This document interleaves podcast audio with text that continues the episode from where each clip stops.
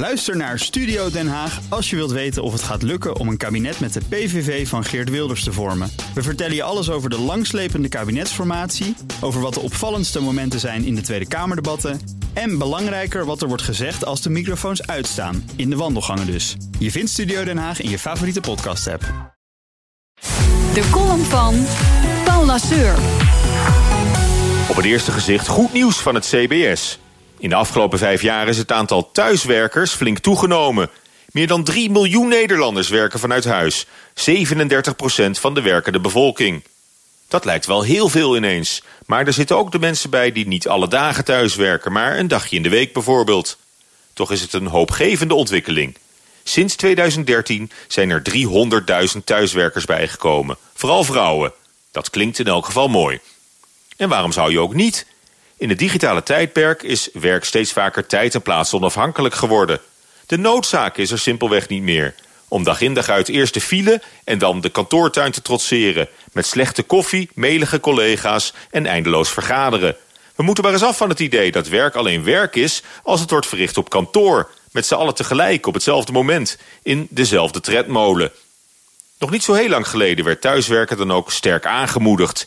Het nieuwe werken zoals het toen nog werd genoemd... zou niet alleen schelen in de files en de kosten voor kantoorruimte... maar ook werknemers gelukkiger maken en daarmee productiever. Maar sommige bedrijven lijken daarvan terug te komen. Voor een goede interactie met klanten en collega's... wordt vaak toch nog fysieke aanwezigheid verlangd van medewerkers.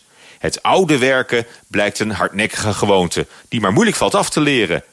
Thuiswerken wordt nog altijd te veel gezien als een privilege, een snipperdag... En zolang het vertrouwen ontbreekt, zal het ook nooit echt wat worden met dat nieuwe werken.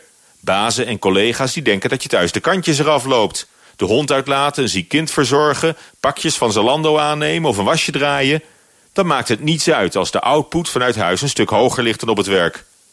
Maar ook het zelfvertrouwen van de thuiswerker laat veel te wensen over. Want bij veel bedrijven heerst nog de aanwezigheidscultuur uit de vorige eeuw. Om voor promotie of de mooie klussen in aanmerking te komen moet je in de eerste plaats voldoende zichturen maken op kantoor. Als eerste ochtends binnen, als laatste s avonds weg. Want uit het oog is uit het hart.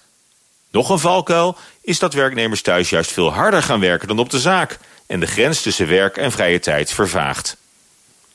Allemaal reden dat het zich niet zomaar laat uitroeien, dat oude werken. En dat blijkt ook wel bij nadere bestudering van de thuiswerkstatistieken van het CBS. Er zijn namelijk vooral ZZP'ers bijgekomen vaak ook nog in creatieve en taalkundige beroepen. Die hadden op kantoor toch al weinig te zoeken. Verder is het aantal vrouwen dat vanuit huis een webshop begint... de laatste vijf jaar waarschijnlijk verdubbeld. Al die ondernemers en eenpitters meetellen als thuiswerkers... heeft met het nieuwe werken helaas weinig te maken. Prettige maandag! En dat zei onze columnist op maandag, Paul Lasseur. En u kunt zijn uh, column terugluisteren op bnr.nl en in de BNR-app. Bij BNR ben je altijd als eerste op de hoogte van het laatste nieuws. Luister dagelijks live via internet. Bas van Werven. En heel langzaam komt de zon op rond dit tijdstip. Je krijgt inzicht in de dag die komt op BNR, het Binnenhof in Nederland en de rest van de wereld. De Ochtendspits. Voor de beste start van je werkdag. Blijf scherp en mis niets.